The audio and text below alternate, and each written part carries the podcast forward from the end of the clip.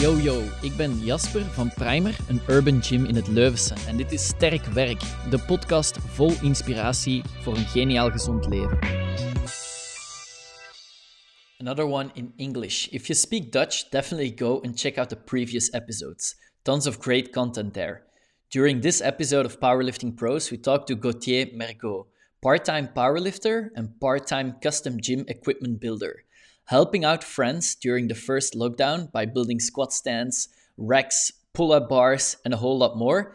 Let's hear out when we can add some Mergot do it yourself to our gyms.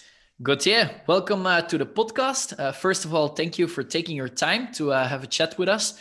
And then, as with all people, we will start with a powerlifting passport. So, tell us a little bit who is Gauthier? What do you have to do with uh, powerlifting? What are your most recent numbers? And do you also have an Instagram that people can uh, follow you on? Yeah, also my thank you for having me here. I'm Gauthier Mergot. I'm 22 years old and uh, I did powerlifting. I do powerlifting.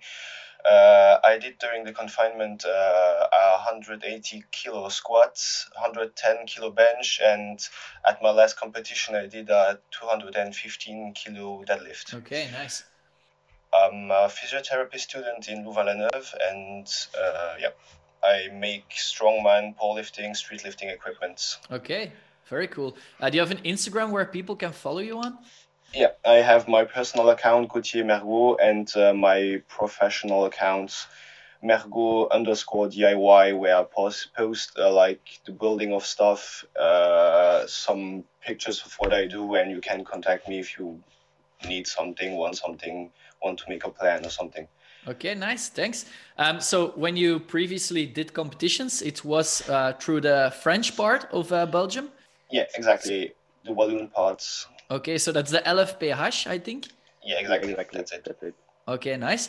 And have you have you done some uh, competitions in Belgium or uh, in uh, the Flemish part, or was it only in the in the French part? No, I did only uh, French competitions.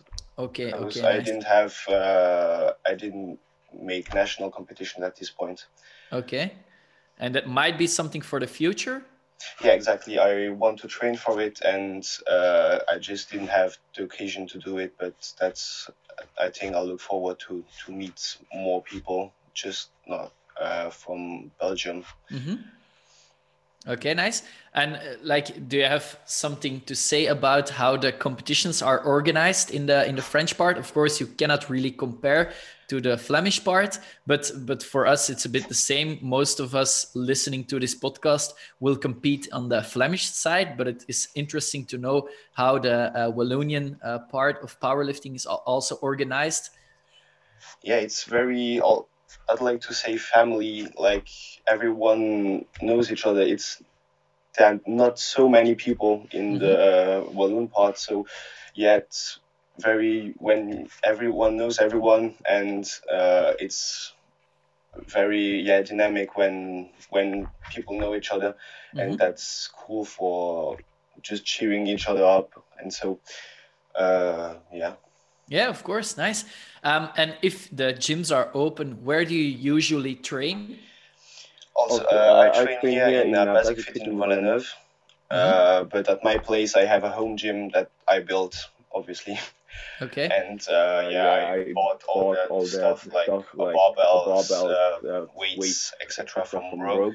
But I, the rack I made myself, uh, deadlift platform I made myself, like etc. etc. Okay, nice. And how did you start with making those things? Where did the idea come from, and how do you get started with this? like I was I am self-taught uh, welder. Like I'm not an engineer at all. So Mhm. I yeah, my dad made me made some shelves, and I really like the process of making it. I really like making stuff like since I'm at little, and I don't know like I had a passion for like training, and i told myself like why not make myself equipment and so I started like when I was 15, I made some squat stands with plans I found online. Mm-hmm. And yeah, at that point, like I made bigger things. Like I made a huge, um, uh, how do you name this? Like a six post, uh, four posts uh, for It's a, squatting, a rig? A, A a rig? rack, exactly. Okay. A rig, a rig. You had like uh, to squat, bench. You had at the back part like a pulley system, Mhm. and on the side you had pull-up system and dips. But that was one solid, all, all was welded. That was weighing like 200 kilos, and Okay. to move around that was really, really crappy. But that was my first really big build for training Mhm. and then I made some like I made more research, knowing what it looks like, what what to make, and yeah, I took inspiration from other builders on the Instagram, internet, and etc. Okay, nice. Do, do you have like, did you start off with metal and, and welding, or was it, did you also have wooden things first? No, I I really like the sturdiness of metal that's welded together that doesn't move, and I have like it's a bit more complicated wood. I don't like it really. That's more not so sturdy. I I don't like it at all. Mhm, Okay. Uh, for most people listening, they probably will know Tibe, Tibe Sleewaard. Yeah. You also constructed some things for him. Can you explain a bit about that? Yeah, that's the the first batch of things I made for the people. Like I made him monoliths. He Mhm. asked, he came to me, asked what they could do. Like I made a plan, sent it to him. He liked it. I made a prototype out of wood, sent it to him, showed him the the process of making it, and I made some tests because I, as I'm not an engineer, I taught myself to use a program uh, that's named Fusion 360. You Mhm. can model everything in it, uh, give the material you use, thickness, etc., etc., and you can run some simulations. Tell the program you have like uh, some weight at this point, and you can sh- like see the deformation, see where you need to put more material to to make it better. And I ran tests. I ran, I made a prototype out of wood, sent it to him. He liked it too, so I made it and uh, brought it to him like uh, two, two, two or three weeks later.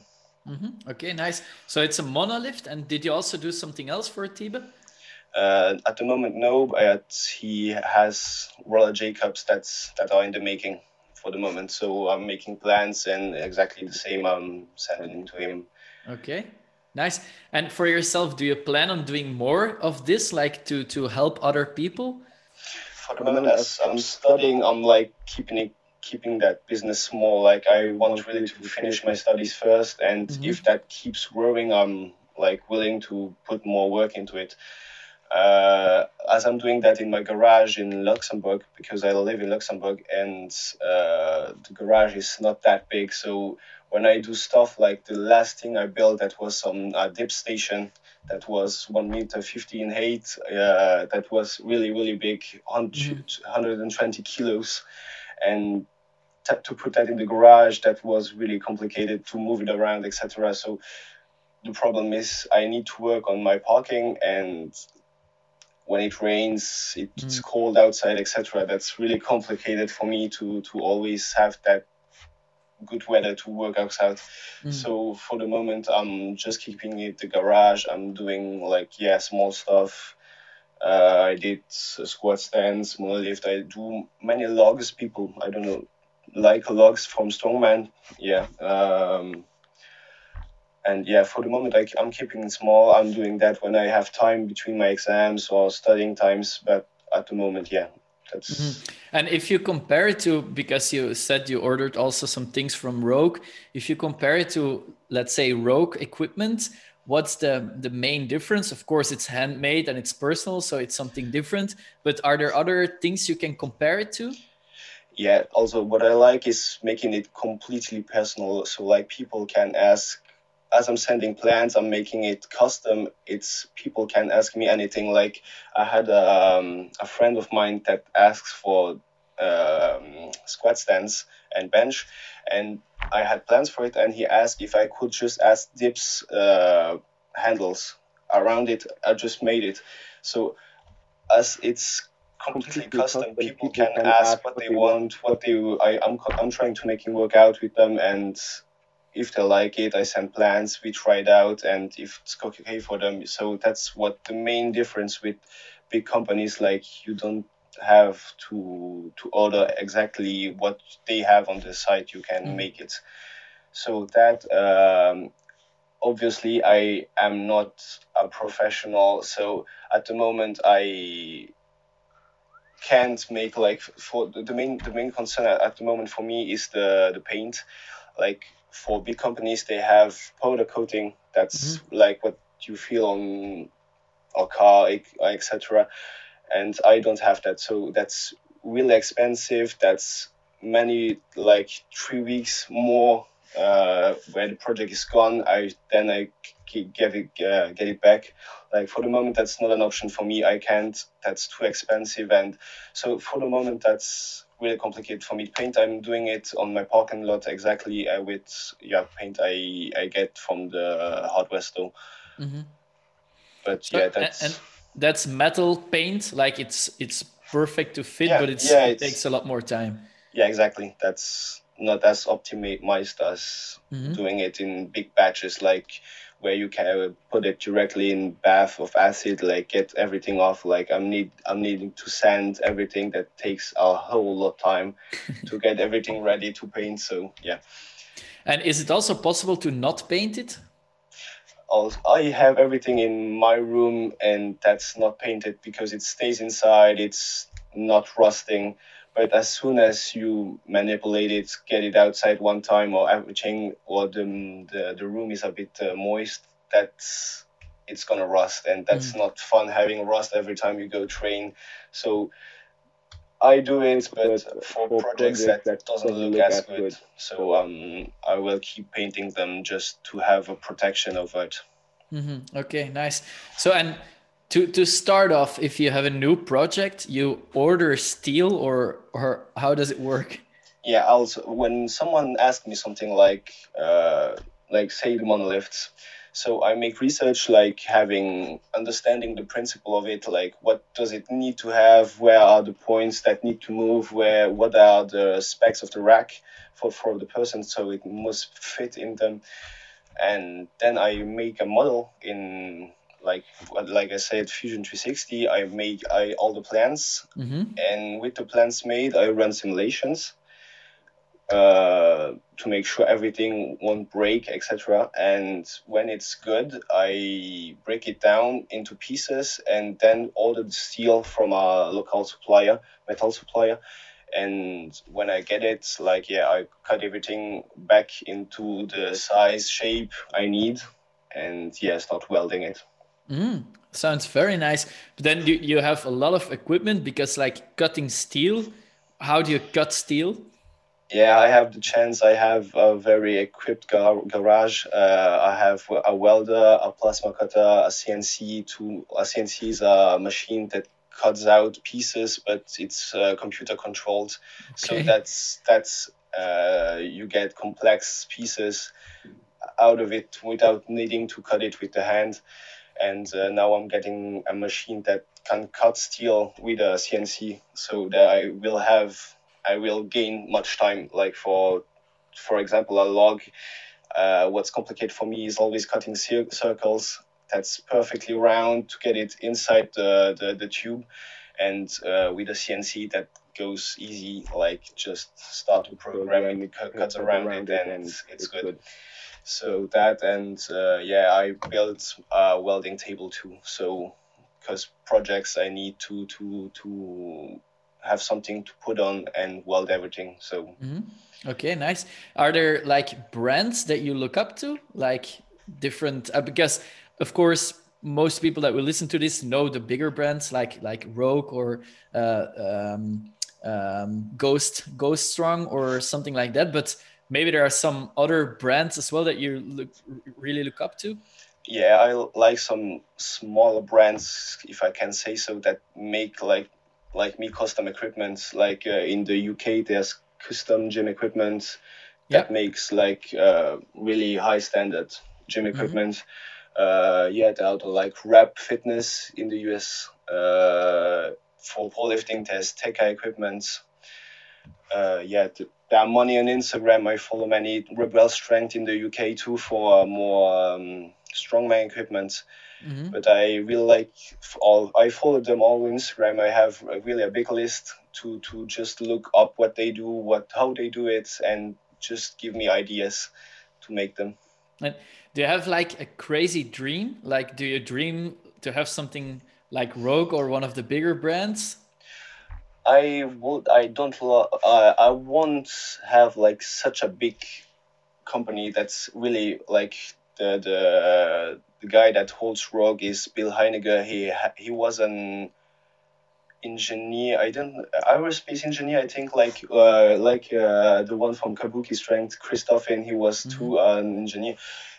They had like already a big name in what they did, like engineering uh, and etc. So I don't want something like that big, but like, like making, making it more with like, like having yeah maybe one or two employees uh, further down the road. Why not mm-hmm. making a thing that's yeah why not? It's like um, mixing the physiotherapy part with the the making of equipment that could be fun, like having mixing both of them. That yeah. would be looks very good. Come on. Yo, Geluisterd naar Sterkwerk, de podcast van Primer, een urban gym in het Leuvense. Zometeen meer pro-tips, maar ik wil er ook even van profiteren om onze eigen coaches een shout-out te geven.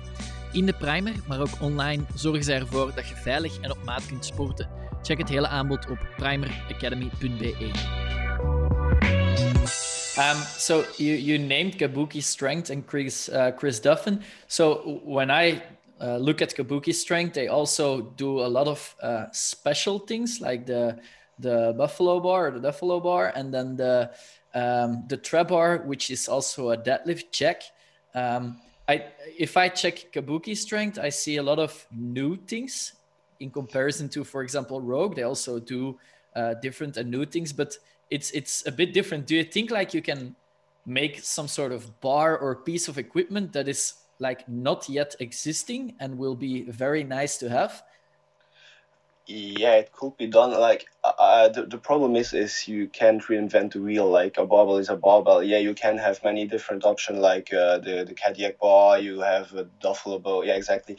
But um, yeah why not? It comes with time i think with the needs of people like if people need something yeah like the deadlift jack in the trap bar like that was an idea and when that came out, like everything, every every company did it. Like uh, Eleiko did it. Uh, other small companies did it too.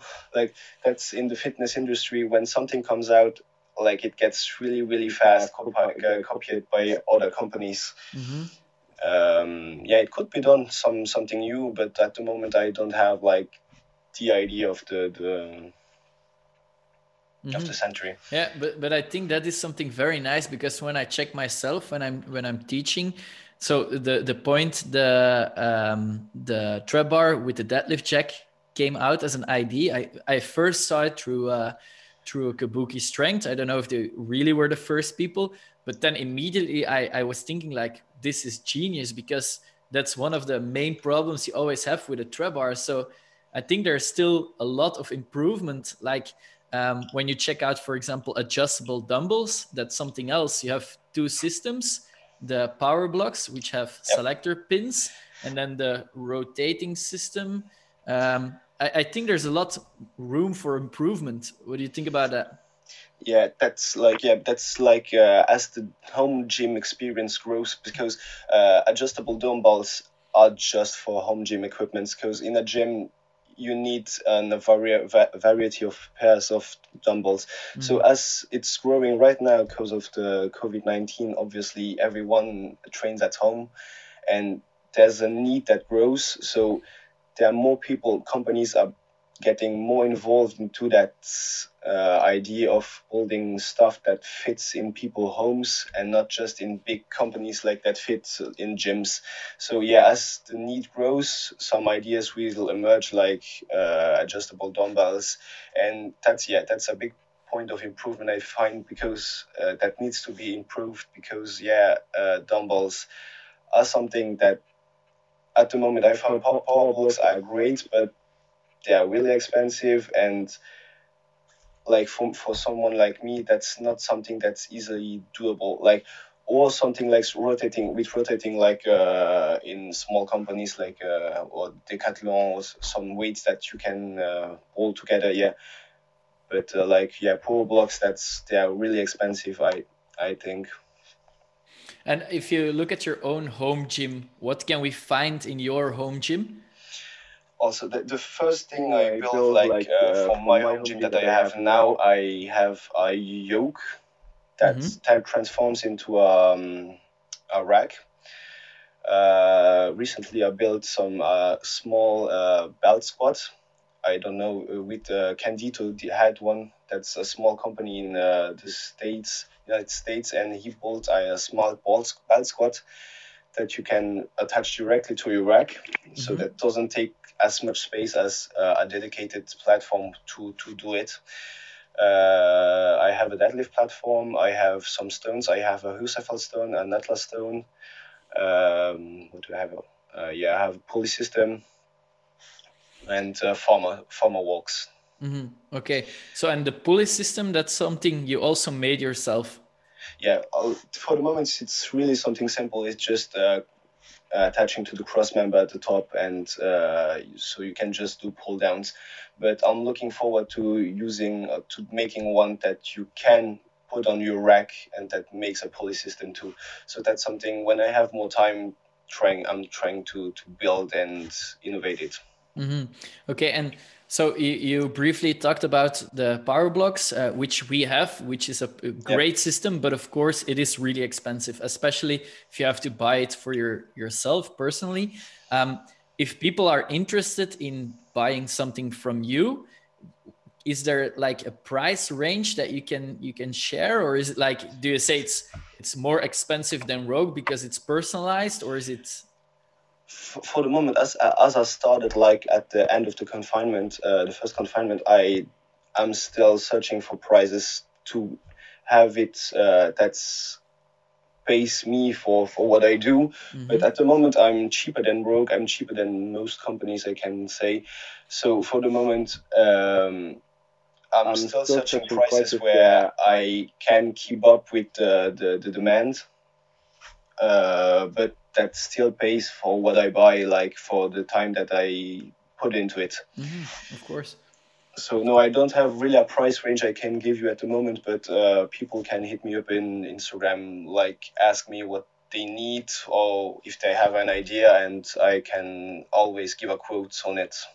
Okay, so people can really contact you and say like, "Hey Gauthier, I want uh, monoliths," or "Hey Gauthier, I want squat stands," and then you yeah. continue from there that's exactly what happened for the first people that contacted me. Like, uh, and that's really, really the fun part. I never made really um, um, publicity for me.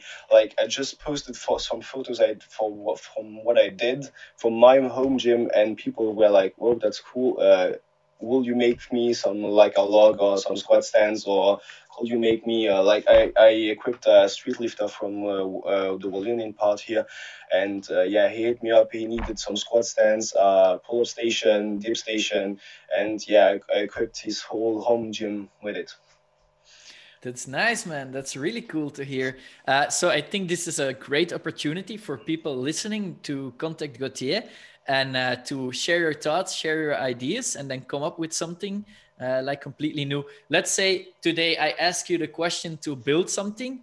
What is the lead time, more or less, until we uh, the equipment, let's say, arrives?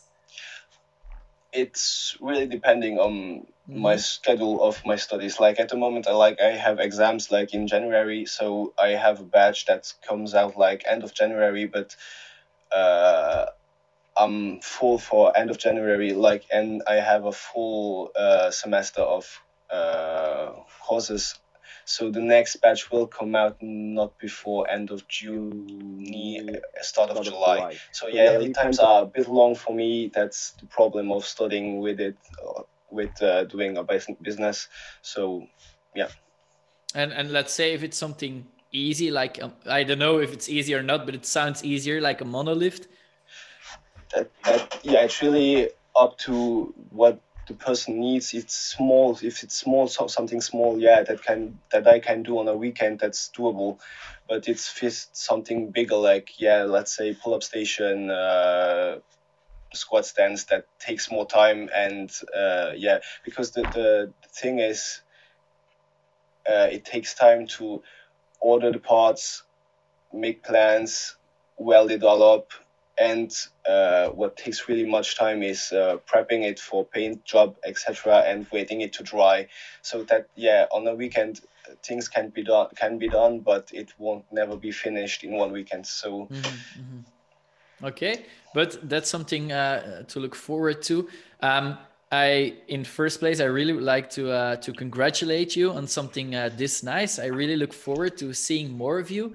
And of Thank course, you. as you say, the powerlifting community is like one group, so things will be shared quite quickly. So uh, we know now that uh, Tibe has some equipment. Are there other powerlifters in the like Flemish or Wallonian part that are already using your equipment that maybe some people know? In the Flemish part, I don't know. I don't think so. In the Wallonian part, yes. To um, yeah, like many friends of mine that had uh, have a log, uh, like uh, Vincent Di Liberto. Uh, he has uh, he's a physiotherapist starting out.